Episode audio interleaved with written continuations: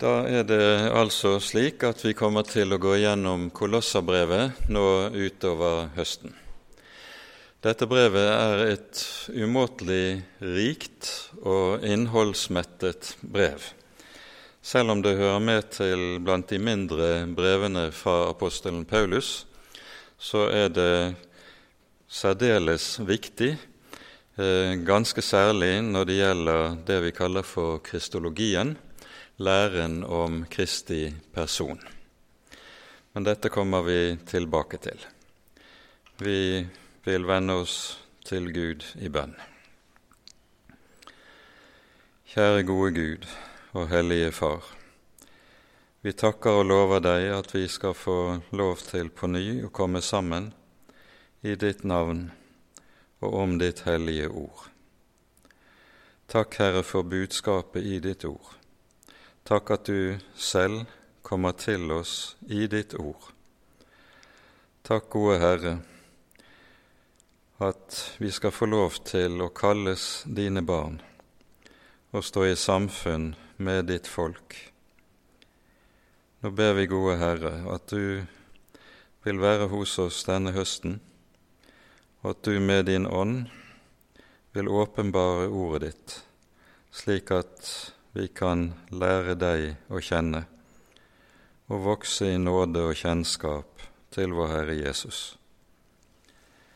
Du ser, Herre, hver enkelt av oss og hva den enkelte trenger og har behov for. Takk at vi skal få legge livet vårt og dagene våre i dine hender. Herre, forbarm deg over oss. Amen. Når vi nå i høst skal ta for oss Kolosserbrevet, så har vi med det for oss et av de såkalte fangenskapsbrevene fra apostelen Paulus. Vi hører i det siste kapittelet at Paulus skriver om seg selv og sitt fangenskap, og det er høyst sannsynlig da slik at brevet er skrevet fra Roma etter at Paulus altså var overflyttet dit fordi han hadde innanket saken sin for keiseren. Det betyr at brevet er skrevet rundt år 60. Ehm, og brevet er skrevet noenlunde samtidig med Efeserbrevet og også med Filemons brev. Ehm, parallellene til, vi finner en rekke paralleller til Efeserbrevet i Kolosserbrevet, eh, sånn at vi kan godt si at disse to brevene på mange måter er beslektet. Men vi hører også at når Paulus skal få sendt brevet av gårde til menigheten i Kolosse, så sendes brevet sammen med en med Paulus sine medarbeidere som heter Tykikus. Og Tykikus hører vi om også i slutten av Efeserbrevet.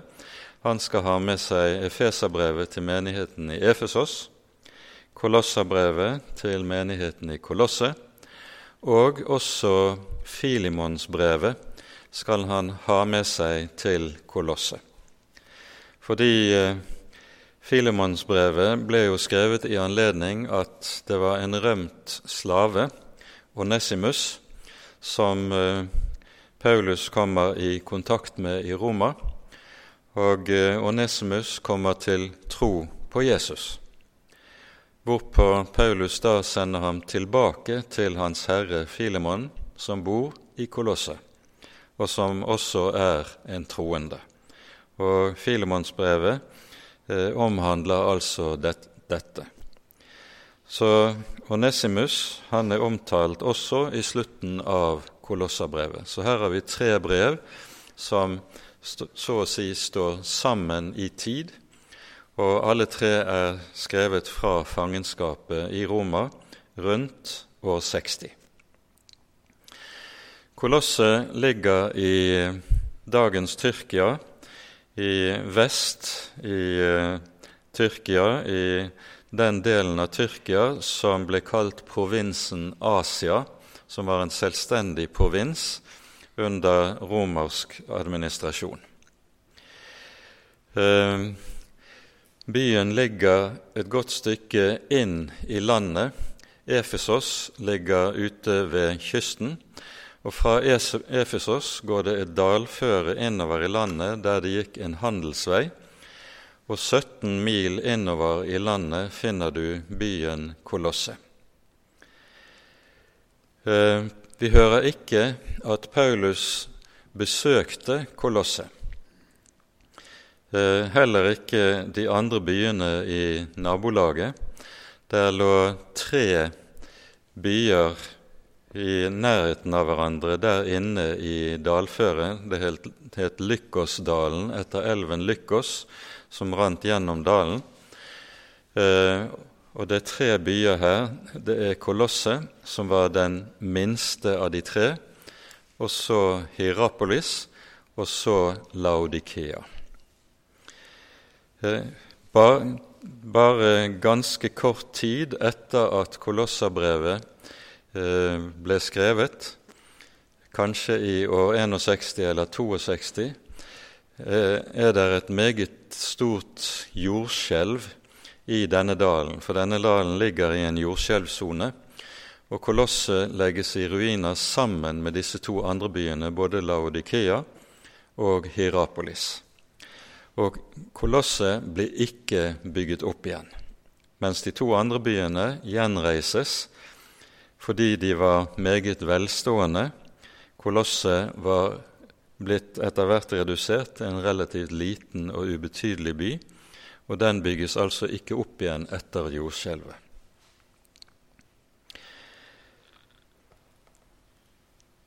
Hvordan har menigheten i Kolosset blitt til? Det som høyst sannsynlig er bakgrunnen for dette, er Paulus meget lange opphold i Efesos. I apostelgjerningenes 19. kapittel hører vi om Paulus' lange opphold der.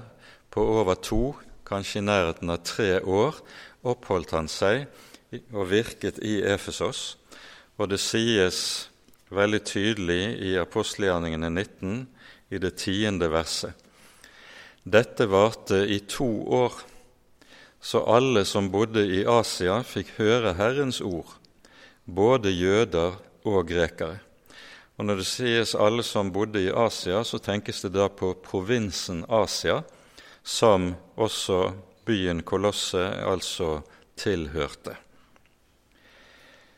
Vi hører i innledningen til Kolossabrevet i det syvende verset at menigheten i Kolosse har lært evangeliet å kjenne gjennom en mann som heter Epafras. Eh, Paulus kaller ham både her i begynnelsen av brevet for sin medarbeider eller medtjener, og samme tittelen brukes på Epafras også i avslutningen av brevet, når Paulus skriver hilsninger til menigheten. Men når vi kommer til Filemonsbrevet, så kalles Epafras for Paulus sin medfange hvilket altså antagelig betyr at i tiden mellom avfattelsen av Kolossabrevet og Filemonsbrevet så er Epafas også blitt arrestert på grunn av sin tro på den Herre Jesus. Vi vet ikke meget om Epafras, annet enn at Paulus gir ham et meget, meget godt skussmål som eh, den som har forkynt evangeliet i Kolosset og har grunnlagt menigheten der. Og Det er ikke usannsynlig at samme mann er den som også står bak at det er blitt menigheter til både i byen Laodikea, som vi jo møter igjen i sendebrevene i åpenbaringsboken, og menigheten i Hierapolis, som vi ellers ikke hører mye om i eh, Det nye testamentet, bare at Paulus her i slutten av Kolossabrevet nevner den.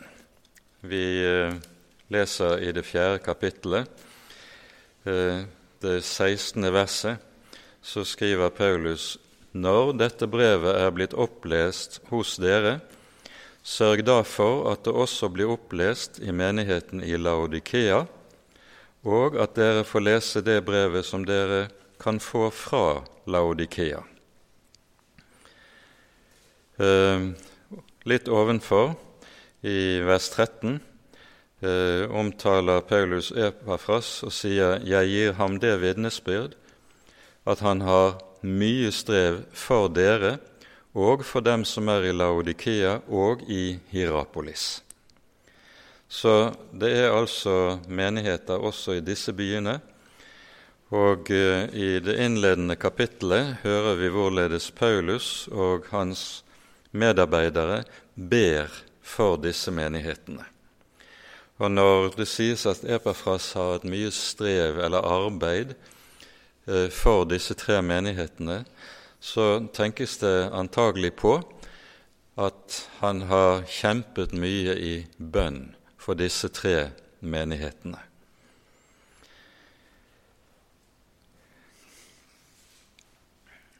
Det vi altså hører eh, om brevet, er at når det sendes til menigheten, så skal det leses for menigheten. Det betyr at det leses når menigheten kommer sammen, er samlet til gudstjeneste. Og det innebærer eh, også at brevet allerede fra starten av betraktes som og er hellig skrift. For dette er noe som er grunnleggende i hele den nytestamentlige måten å tenke på.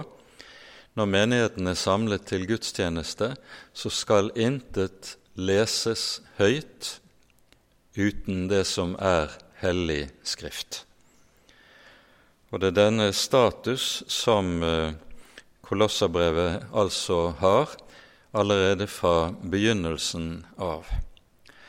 Dette er viktig å være klar over, fordi det er mange som tenker slik at Paulus skrev ulike brev til, ved ulike anledninger, og så kom de etter hvert til å bli så høyt aktet at de til slutt eh, får status som hellig skrift. Dette er en misforståelse, for det ligger i Paulus sin forståelse av apostelembetet, at apostelembetet står på linje med profetembetet i Det gamle testamentet, på en slik måte at like som profetene, når de taler, så taler de sitt 'så sier Herren', og når dette skrives ned, så er det hellig skrift. På samme måte er apostelembetet et embete som forkynner ordet fra Herren. Og Jesus har jo selv sagt uttrykkelig om apostelembetet den som hører dere, hører meg. Og den som forkaster dere, forkaster meg. Det er dette som er bakgrunnen for at Paulus i eh, innledningen til alle brevene, når han presenterer seg selv, så skriver han alltid om seg selv at han er apostel. Selve apostelbegrepet det kommer fra eh, et hebraisk ord som var veldig viktig i datidens jødedom. Ordet er shaliar, som betyr en utsending med fullmakt. Utsendingen har fullmakt til å agere og til å tale på vegne av Han som har sendt ham. Det er på et vis som en ambassadør sin status når ambassadøren eh, forholder seg til den fremmede nasjonen han er utsending til, så agerer han på vegne av sin hjemnasjon sitt hjemland. Og Det er denne status som ligger i apostelembetet. Apostelen taler på vegne av, handler på vegne av Jesus Kristus, hvilket betyr at når kolossabrevet Kolosserbrevet skrives, så skriver Paulus nettopp i kraft av å være apostel på Kristi vegne og på Kristi befaling. Dette lyder altså allerede i inngangen til brevet, og med disse innledende ordene så tar vi for oss og leser det avsnittet vi skal ha for oss i dag. Det er de 14 første versene i kapittel 1 i Kolosserbrevet. Paulus, ved Guds vilje Kristi Jesu apostel, og vår bror Timotius, til de hellige og troende brødre i Kristus i Kolosset. Nåde være med dere og fred fra Gud vår Far. Vi takker alltid Gud, vår Herre Jesu Kristi Far, når vi ber for dere. For vi har hørt om deres tro på Kristus Jesus og om den kjærlighet dere har til alle de hellige, på grunn av det håp som ligger ferdig for dere i himmelen.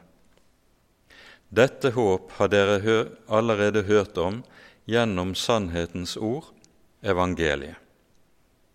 For også til dere er evangeliet kommet, som det er i hele verden, og det bærer frukt og vokser.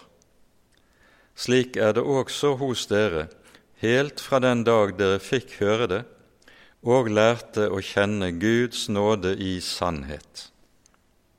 Slik har dere også fått lære det av vår kjære medtjener Epafras, som er en trofast Kristi Jesu tjener for dere.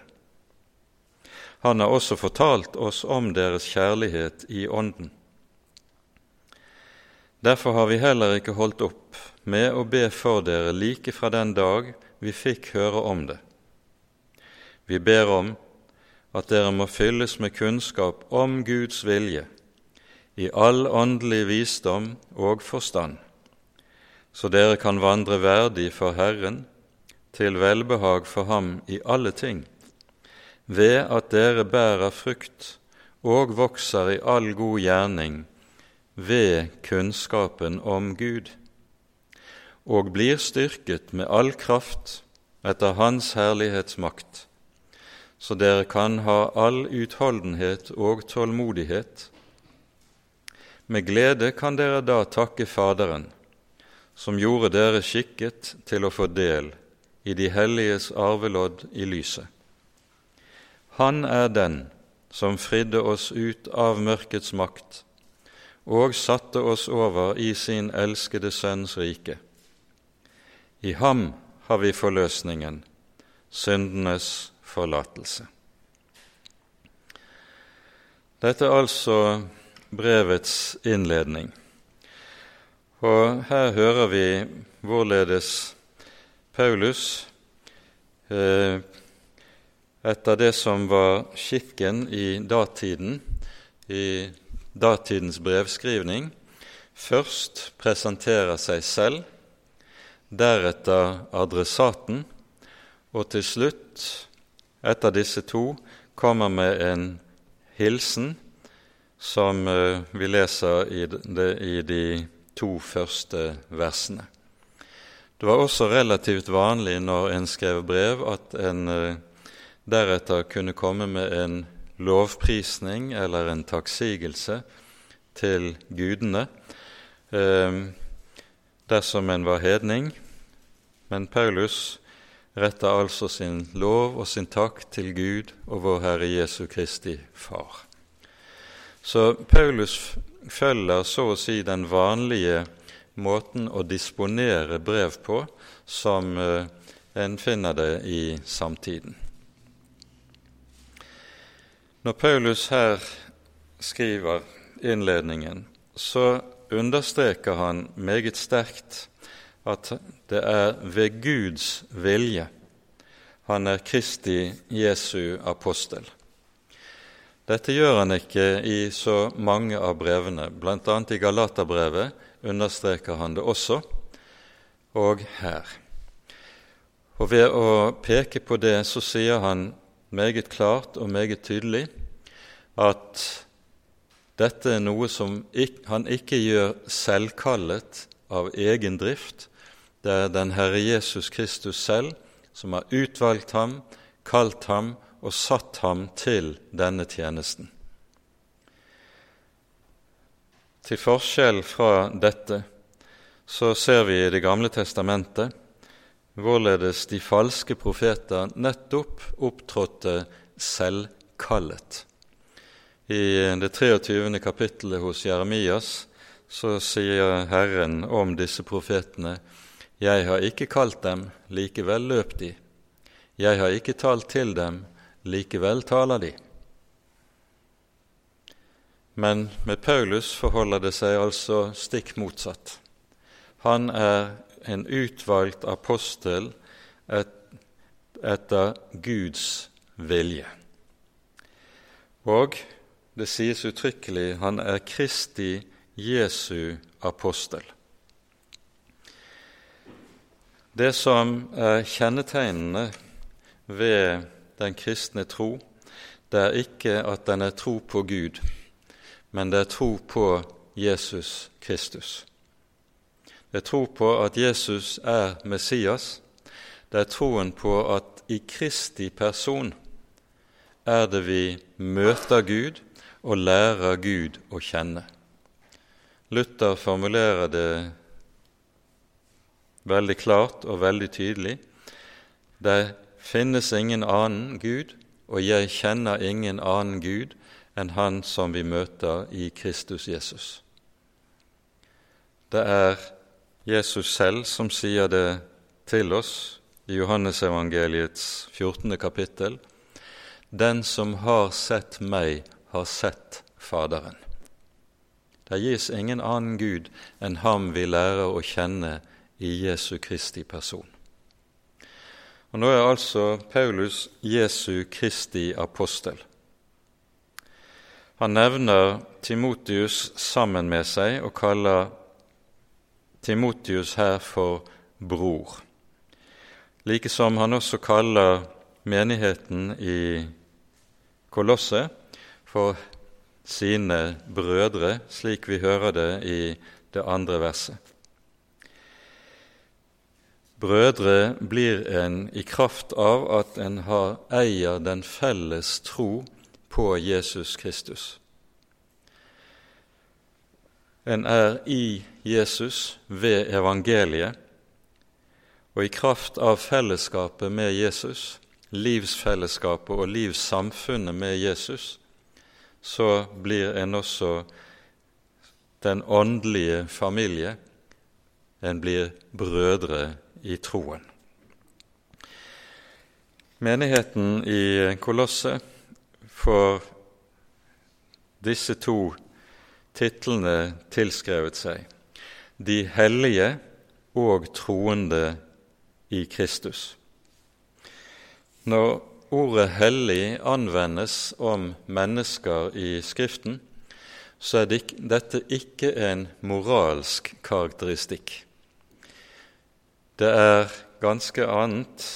Det betegner det å være utskilt fra verden og innviet til Gud. Og her er det Gud som er subjektet.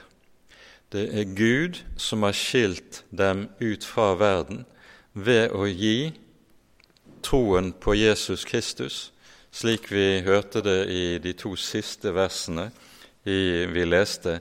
Han er den som fridde oss ut av mørkets makt. Dette er noe som ikke er et menneskeverk, det er et Guds verk. Det er Han som helliger. Og det at Gud på denne måten skiller ut av verden, det gjør han for at de skal være hans egen eiendom. Her bruker Bibelen uttrykket 'eiendomsfolk'. De som er de hellige, de er Guds eiendomsfolk. Gud har tatt dem til sine egne, til sine barn, til sin eiendom. Og vi har vel pekt på det tidligere, kanskje, men det skader ikke å nevne det igjen. Dette uttrykket 'eiendomsfolk' det er hentet fra teksten i Andre Moseboks 19. kapittel, der Herren taler til Moses eh, og sier gjennom ham til folket at dersom folket tar vare på det ord Herren vil åpenbare for dem, da skal de være et kongerike av prester, et hellig folk og et folk til eiendom, et eiendomsfolk. Og Det ordet som anvendes om eiendom, det er et ord som ellers ble anvendt om den, det mest verdifulle kongen eide, og som han oppbevarte i sitt skattkammer. Å være Guds eiendomsfolk, det er så å si å være Guds skatt. Og slik er det fordi Paulus jo understreker i en annen sammenheng i første Korinterbrev dere er dyrt kjøpt. Slik er det vi skal, må forstå begrepet hellig i denne sammenheng. Og de er altså hellige i Kristus. De er ikke hellige i seg selv, men de er det i Kristus. Og så er de troende i Kristus. Troen plasserer dem inn i livsfellesskapet med Jesus Kristus. Og så kommer det som er den stående hilsen i innledningen til så godt som alle Paulus sine brev. Galaterbrevet er her unntaket. Ehm, Galaterbrevet er jo et brev der Paulus ikke takker for menigheten slik som han gjør i alle de øvrige menighetsbrevene, fordi galaterne er kommet så sterkt på avveie som de er. Men her kommer altså hilsen nåde være med dere og fred fra Gud vår Far og den Herre Jesus Kristus legges det til i de fleste andre av disse hilsenene i brevene.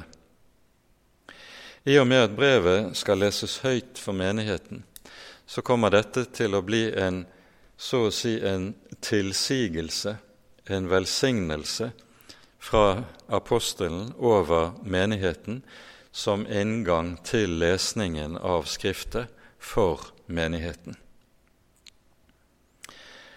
Og Disse to begrepene er jo også overmåte betydningsfulle.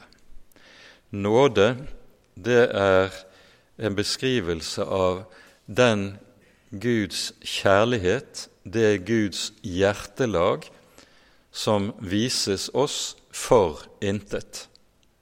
Nåden er ikke en beskrivelse av eh, krefter eller følelser eller noe som eh, inngytes i oss, men det er noe som beskriver Guds hjertelag som gjelder overfor oss, for intet. Det er det som ligger i nådebegrepet. Så når apostelen kommer med denne hilsen, så sier han at dette så å si skal være livsluften som menigheten lever i. Nåden er ikke noe som de skal bli ferdig med, de kom til tro og ble Guds barn av nåde, og så må de liksom gå videre. Nei, nåden er noe en aldri blir ferdig med. Nåden er noe en er like avhengig av om en har levd som Guds barn i 40, 50 eller 60 år. Derfor skal den alltid så å si være det som er fundamentet under det kristne livet. Og der nåden får lov til å være og råde, der vil det også være fred. For freden i bibelsk forstand, det er noe som er en frukt av nåden. Dette sies flere steder i vår bibel, f.eks.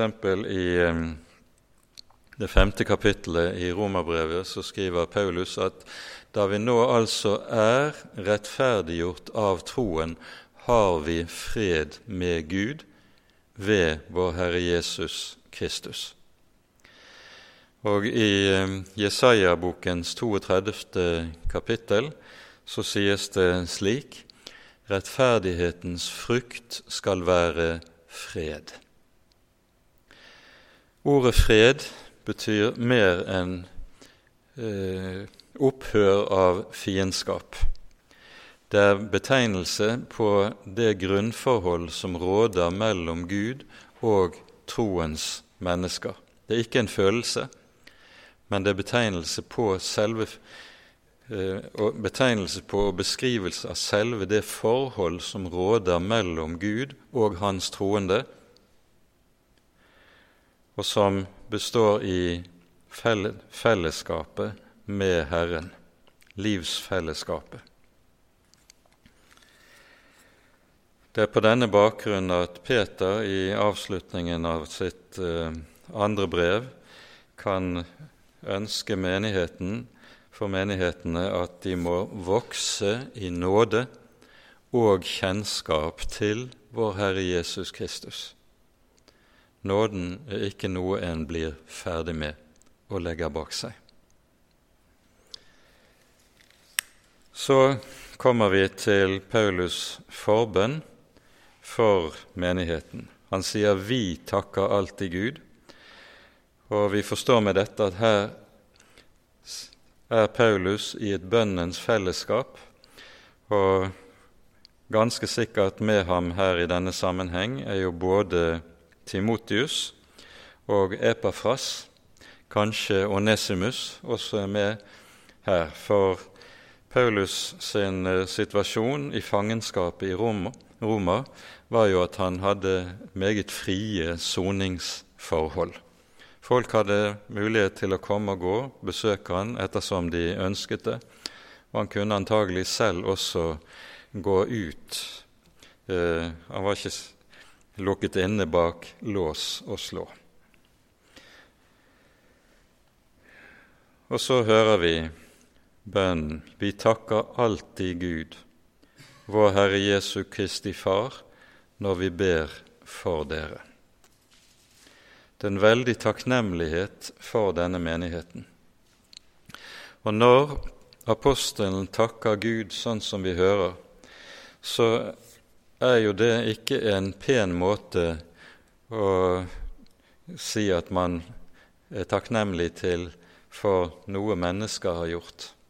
Nei, her er det i ordets egentligste forstand en takknemlighet for hva Gud, Herren selv, har utrustet gjennom å skape en menighet, gjennom at hvert enkelt troende menneske har fått del i evangeliet og blitt satt over i Jesu Kristi rike. Dette er Guds gjerning. Det er Gud som skaper menighet, ikke mennesker, og ikke menneskelige tiltak eller metoder. Hvorledes Gud gjør det, det hører vi det sies uttrykkelig litt lenger nede, nemlig ved evangeliet. De har fått høre sannhetens ord i evangeliet. Og det er dette ord som skaper menighet. Uten dette ord blir det ikke menighet. Enhver forsamling som ikke er blitt til i kraft av dette ord, er ikke menighet i ordets nytestamentlige forstand. Nå hører vi hva Paulus takker for. Vi har hørt om deres tro på Kristus Jesus, og om den kjærlighet dere har til alle de hellige, på grunn av det håp som ligger ferdig for dere i himlene. Her hører vi dette trefoldige tro, håp og kjærlighet som vi møter en rekke steder i Det nye testamentet. Poenget med disse tre begrepene er at de hører innbyrdes uløselig sammen. Troen den er altså en tro på Jesus. Og Dette er det som er den egentlige innholdsbestemmelsen av den kristne tro. Dette er i dag meget nødvendig å understreke, fordi det er så mange som sier det at eh, kristen tro er en sånn allmenn tro på Gud. Det er det ikke. Muslimer tror på en gud, jøder tror på en gud, det er monoteistiske religioner, men det er ikke kristen tro.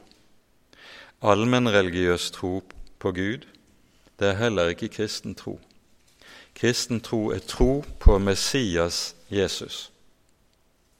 At Jesus er altså den lovede Messias, som han som Skriftene har talt om, det er det som er kristen tro. Og Det er viktig også å være klar over at dette derfor er tro på en person, og dermed også Eh, et personfellesskap. Det grunnleggende i trosbegrepet, slik som vi finner det i Det nye testamentet, det er ordet tillit. Og tillit det er jo noe som nettopp gjør seg gjeldende mellom personer. Du stoler på en annen person fordi du vet at han er troverdig, han er trofast, han er til å lite på, han er ikke en som farer med fanteri. Slik er kristen tro tillit til Jesus, til personen Jesus Kristus. At han er den han er, og at det han har gjort, det er noe som gjelder for meg. Det er det som er kristen tro. Dernest går Paulus, unnskyld, Paulus videre og, sier, og taler om den kjærlighet dere har til alle de hellige. Det er eh, Tertulian senere som rundt år 200 sier at dette kanskje et av de fremste kjennetegnene på de kristne. I et, en av sine bøker sier han om de kristne 'Se hvor de elsker hverandre'. Dette gjaldt i denne eldste kristne tid. Lenger ut, når du kommer til 400-tallet, eh, har det oppstått både det ene og det andre av stridigheter i Kirken. Og Da er det en av de hedenske forfattere som ironiserer over eh, stridighetene i Kirken og sier 'se hvor de elsker hverandre'. Det var det stikk motsatte som gjorde seg gjeldende der. Men her er jo saken den at der hvor troen på Jesus er levende og sann, der vil den alltid gjøre seg gjeldende i form av kjærlighet til de øvrige troende, til menigheten. Vi har et veldig viktig ord om dette i 1. Johannes brev i det femte kapittelet, som peker på den organiske sammenhengen mellom troen og kjærligheten. I kapittel 5 så skriver Johannes slik.: Vær den som tror at Jesus er Kristus, er født av Gud, og hver den som elsker Faderen, elsker også den som er født av Faderen. Eh, her er det noen av de gamle manuskriptene som har en litt annerledes tekst. Det står 'Hver den som elsker Han som føder, elsker også den som er født av ham'. Og Dette peker på hvorledes troen alltid med nødvendighet vil måtte gi seg ut, uttrykk i søskenkjærlighet. Gud har ingen enebarn. Og troens folk vet at når vi hører Jesus til, så hører vi også sammen.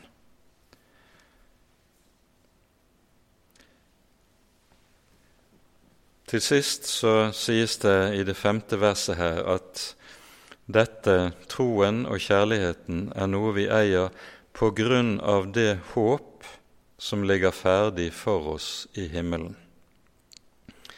Her er det viktig å være oppmerksom på det at begrepet håp kan anvendes på to ulike måter. Det kan anvendes om meg når jeg sier at 'jeg håper sånn og sånn'. Men det kan også betegne noe som er utenfor meg, nemlig Han som er mitt håp. Og det er det begrepet betyr i denne sammenheng.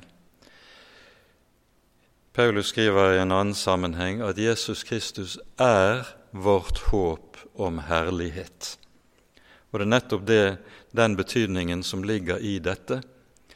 Det er Jesus som er vårt håp, og dette håp, slik det er beskrevet på denne måten, det er kilden både til troen og til kjærligheten.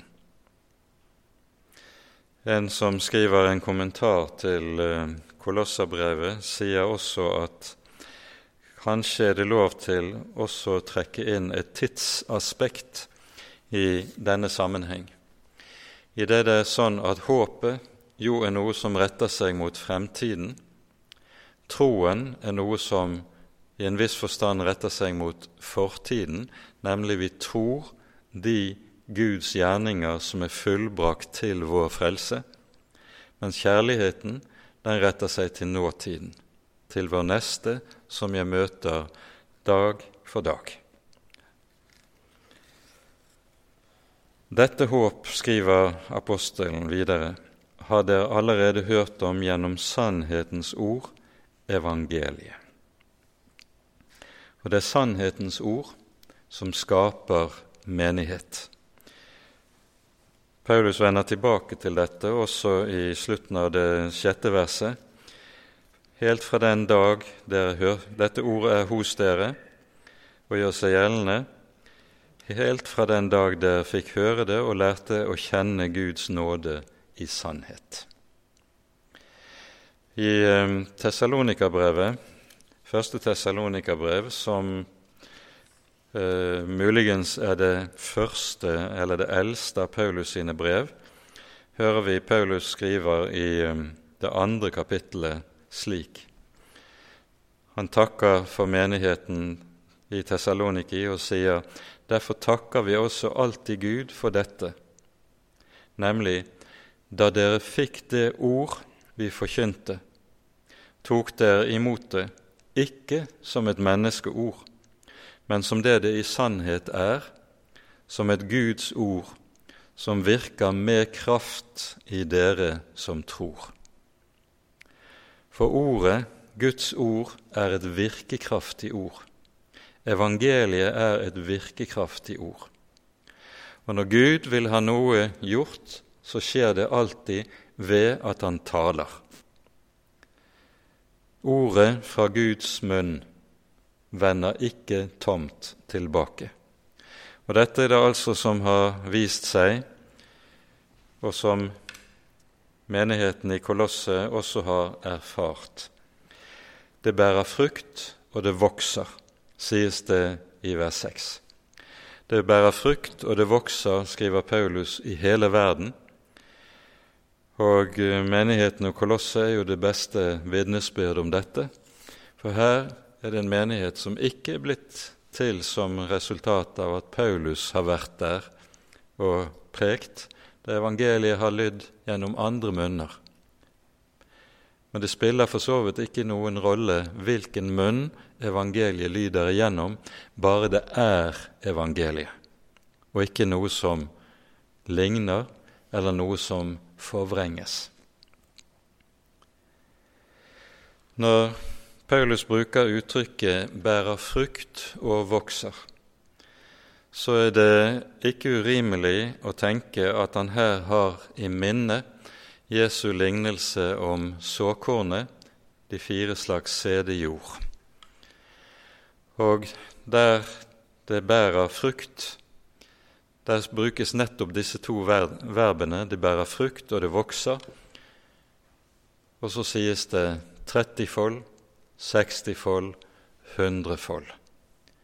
Og dette ser de for sine øyne, at evangeliet slik gjør sin gjerning i verden. Evangeliet er noe de har fått høre ved at sannhetens ord har blitt lært dem gjennom Epafras, som altså er en trofast Jesu Kristi tjener for menigheten. Han har også fortalt oss om deres kjærlighet i Ånden, sies det. Epafras har antagelig også fortalt om noe annet, som vi nemlig møter i det annet kapittel, eh, der apostelen tar opp en vranglære som har begynt å gjøre seg gjeldende i menigheten. Og Det er mange fortolkere som mener at når Epafras har reist til Roma for å tale med Paulus, så er det fordi han har trengt å få apostelens råd og hjelp i møte med den vranglæren som har begynt å gjøre seg gjeldende. Vranglæren er tydeligvis ikke blitt dominerende i menigheten, men Epaphras har forstått at dette er noe som truer menighetens eksistens. Og Derfor eh, har han tatt på seg den lange veien og reise den lange veien helt til Roma for å få råd og hjelp hos Herrens apostel. Dette er noe vi kommer til senere ut på høsten. Nå hører vi så Paulus' bønn for menigheten fra vers 9 av. Ehm, derfor har vi ikke holdt opp med å be for dere like fra den dag vi fikk høre om det. Vi ber om at dere må fylles med kunnskap om Guds vilje i all åndelig visdom og forstand, så dere kan vandre verdig for Herren, til velbehag for Ham i alle ting, ved at dere bærer frukt og vokser i all god gjerning gjennom kunnskapen om Gud. Vi hører på tilsvarende vis at når Paulus ber for menigheten i Efesos, så ber han også der om at menigheten må vokse i erkjennelse av hva de eier i evangeliet om vår Herre Jesus. Når vi her leser uttrykket 'bli fylt av kunnskap om Guds vilje', så er vi vant til å bruke uttrykket Guds vilje eh, som et uttrykk som handler om hva Gud vil at vi skal gjøre eller ikke gjøre. Altså noe som så å si eh, befinner seg på lovens område. Det er klart at Uttrykket kan bety det, men i Det nye testamentet betyr det noe langt mer. Guds vilje er først og fremst det at du og jeg skal finnes i Guds sønn Jesus Kristus. Dette er Guds vilje, at dere tror på Jesus Kristus. Og denne tro er altså en tro som skal vokse, modnes, fylles med kunnskap, for at, sier Paulus, vi kan vandre verdig for Herren, til behag for Ham, slik at vi bærer frukt ved kunnskapen om Gud. Her sies det altså ikke bære frukt gjennom kunnskapen om loven, men det er å bære frukt ved kunnskapen om åpenbaringen, altså Gud har åpenbart seg selv, hvem Han er, i Jesu Kristi person. Og Her er det viktig å skille mellom hva som var det grunnleggende i den rabbinske jødedom, og hva som gjelder i Guds rike.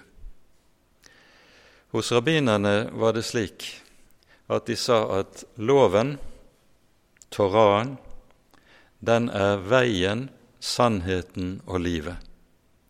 Ingen kommer til Faderen uten gjennom loven. Når Jesus sier, som han gjør det i Johannesevangeliets 14. kapittel, 'Jeg er veien, sannheten og livet. Ingen kommer til Faderen uten ved meg. Så sier han med det altså at det er han, han i sin person, tar den plass som lovåpenbaringen hadde i rabbinernes tenkning og teologi. Og det er ved kunnskapen om ham, som er veien, sannheten og livet, at vi også bærer frukt for Gud, sånn som apostelen her sier det. Samme sak er det som holdes frem for oss i innledningen til andre Peters brev. Og vi minner bare ganske kort om disse versene. Vi leser fra vers 3 i kapittel 1 i 2. Peters brev.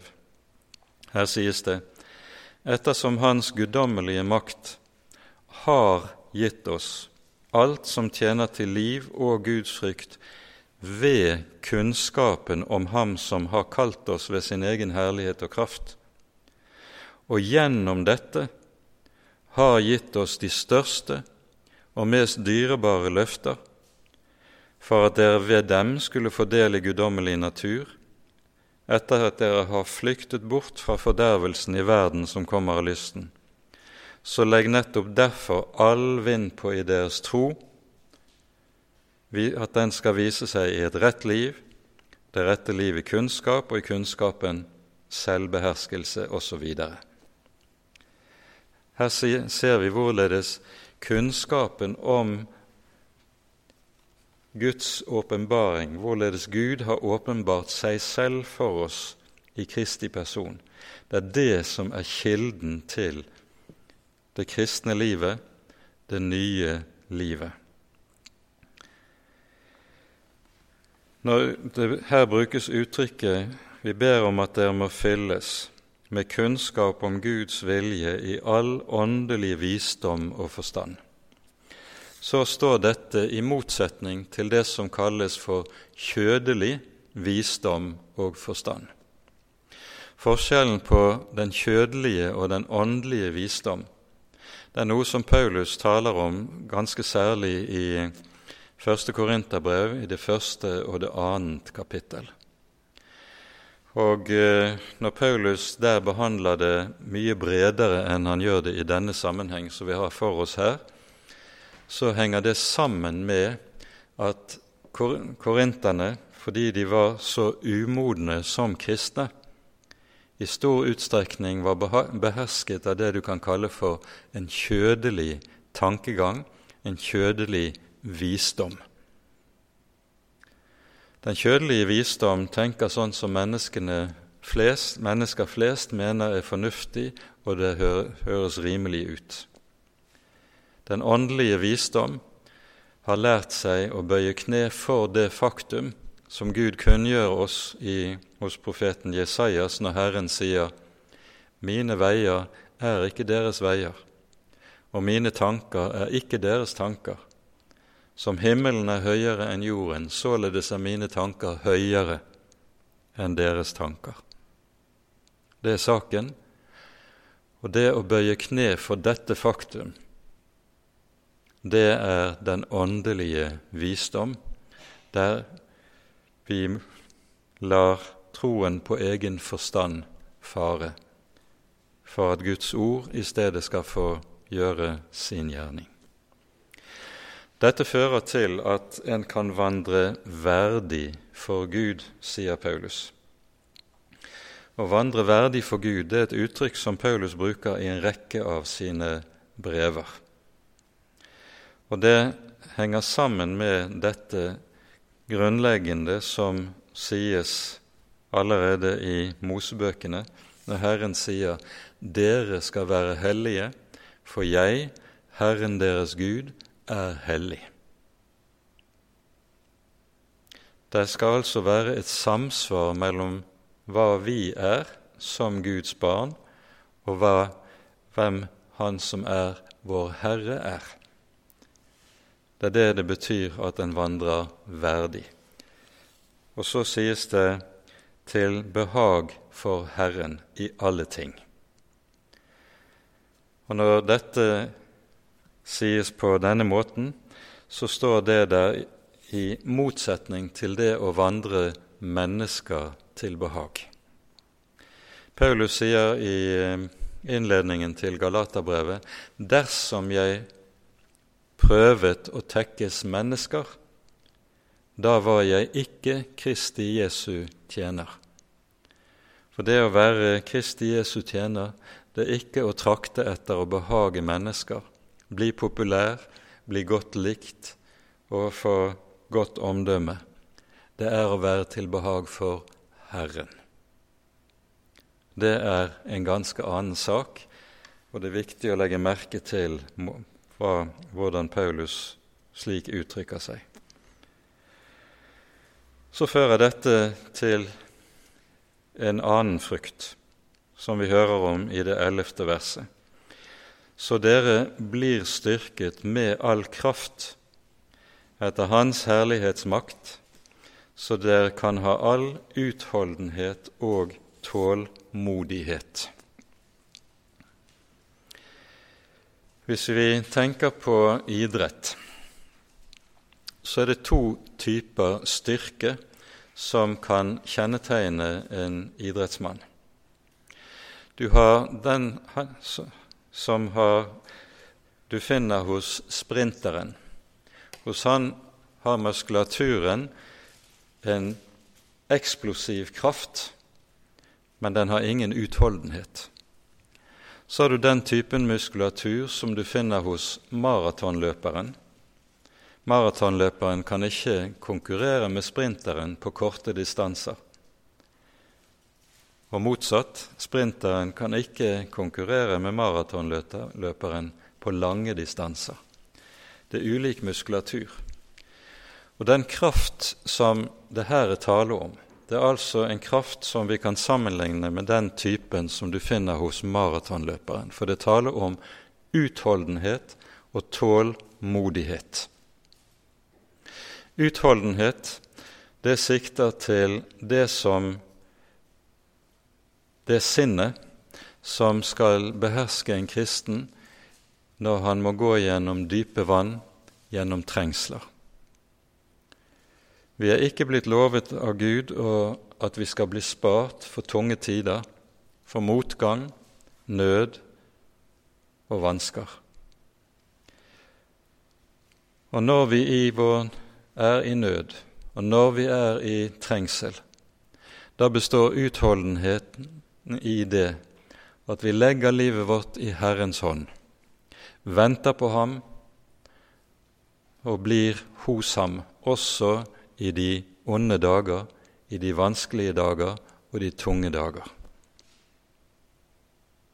Tålmodighet, det er det som gjør seg gjeldende i forhold til andre mennesker. Det er noen som har et sånt sinnelag at de er uhyre hissige. De tenner på alle plugger for selv de minste ting, og tåler svært lite fra sine medmennesker.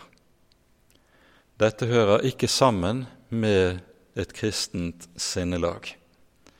En kristen, det kristne sinnelag viser seg også i tålmodighet overfor vår neste, i møte med det som kan være vanskelige mennesker, som vi av og til kaller det for. Tålmodighet hører med, som en del av Åndens frukter, og som gjør seg gjeldende. Og Her sies det altså uttrykkelig at dette er frukter av den modning og vekst i kunnskap til Herren som Paulus ber om. En frukt av tålmodigheten er det som så kommer i det tolvte verset. Med glede kan dere da takke Faderen, som gjorde dere skikket til å få del i de helliges arvelodd i lyset. Hva er det en kristen har glede i. Han har sin glede i Herren. Gled dere i Herren alltid.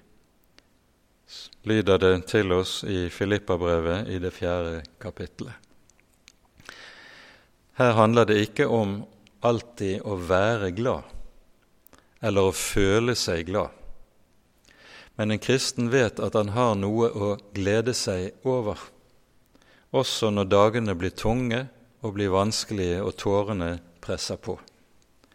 Jeg kan glede meg over at syndene mine er forlatt. Jeg kan glede meg over at Gud er min far. Jeg kan glede meg over at livet mitt står i Hans hånd, og jeg er like trygg, selv om det er vanskelig å leve sånn som forholdene kanskje er i dag. Også under motgang kan et Guds barn glede seg i Herren. Det er altså ikke en glede som består i å føle seg glad, men å vite hva jeg har å takke for, hva jeg har å glede meg over som et Guds barn. Og det er det Paulus taler om når han sier 'gled dere i Herren alltid'. Og hva er tema for gleden? Det er det Paulus avslutter med i det 13. og det 14. verset. Han er den som fridde oss ut av mørkets makt og satte oss over i sin elskede Sønns rike. Vi er gått over fra mørket til lyset for å høre Herren Jesus til og kalles for Hans elskede barn. I ham, i Jesus, har vi forløsningen syndenes forlatelse. Og vi minner igjen om at forløsning det er et ord som sikter til at det er betalt løsepenge. Jesus er med sitt blod løsepenge for oss. I kraft av hans blod er vi fridd ut fra mørkets makt. I kraft av hans blod er vi kommet over i Guds evige rike, i lysets rike. I kraft av Hans blod har vi syndenes forlatelse og fred med Gud. Ja, med glede kan vi takke Faderen. Og Med dette setter vi punktum for kveldens bibeltime. Og så går vi videre igjen onsdag om to uker. Ære være Faderen og Sønnen og Den hellige ånd, som var og er og være skal en sann Gud, høylovet i evighet. Amen.